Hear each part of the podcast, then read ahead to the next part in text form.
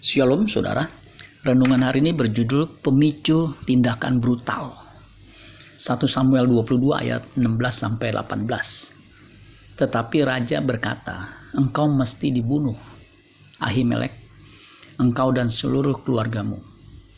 Lalu raja memerintahkan kepada bentara yang berdiri dekatnya, majulah dan bunuhlah para imam, para imam Tuhan itu sebab mereka membantu Daud Sebab walaupun mereka tahu bahwa ia melarikan diri, mereka tidak memberitahukan hal itu kepadaku. Tetapi para pegawai raja tidak mau mengangkat tangannya untuk memarang imam-imam Tuhan itu. Lalu berkatalah raja kepada Doeg, Majulah engkau, dan paranglah para imam itu.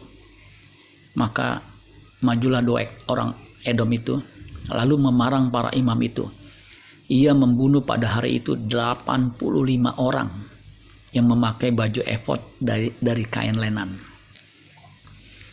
Ahimelek adalah seorang imam yang tinggal di Not, sebuah kota yang disebut kota imam, the city of priests. Arti nama Ahimelek adalah saudara raja atau king's brother. Tetapi sayang nasibnya tragis. Ia dibunuh oleh Raja Saul atas tuduhan pengkhianat. Ahimelek menyambut Daud ketika Daud dalam pelarian karena dikejar Saul. Ahimelek juga memberikan pedang Goliat dan pedang itu ada pada Ahimelek. Ketika Saul tahu bahwa Ahimelek menerima Daud, sang calon pengganti Raja Saul itu, ia dibunuh dengan sadis. Bukan hanya Ahimelek yang dibantai tetapi juga penduduk Nob Saul bertindak membabi buta, tidak memakai akal sehat. Ia kalap ketika tahu bahwa Daud bisa lolos darinya karena ditolong Ahimelek. Beruntung seorang anak Ahimelek berhasil lolos dari pembantaian itu. Ia datang kepada Daud dan Daud menerimanya dan melindunginya. Kekejaman yang dilakukan Saul dipicu oleh karena iri hati dan dengki. Saul itu iri kepada Daud karena kalah pamor dengan Daud 1 sampai 18 ayat 8 sampai 12. Itu yang menyebabkan roh Allah undur daripadanya dan roh jahat menguasainya sehingga tindakannya menjadi brutal. Hati-hati dengan perasaan iri hati.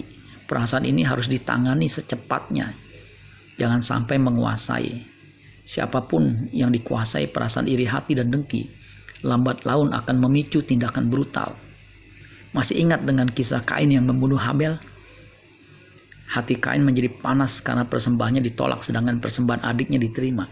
Kain membunuh Habel karena tidak mampu menguasai perasaannya. Kejadian 4 ayat 5 sampai 8.